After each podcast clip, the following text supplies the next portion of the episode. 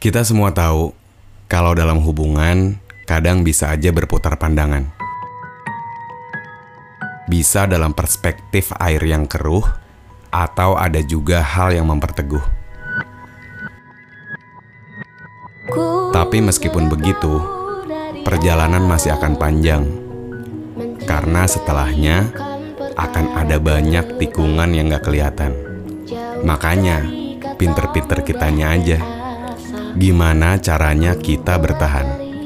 Sekarang, yang kamu harus tahu, perasaan itu bukan cuma soal lisan, tapi bisa juga dari apa yang kita tunjukkan. Oh iya, aku ada pesan. Kita jangan keseringan marahan ya. Kan tulisannya lagi aku buat supaya bisa jadi kalimat yang tepat.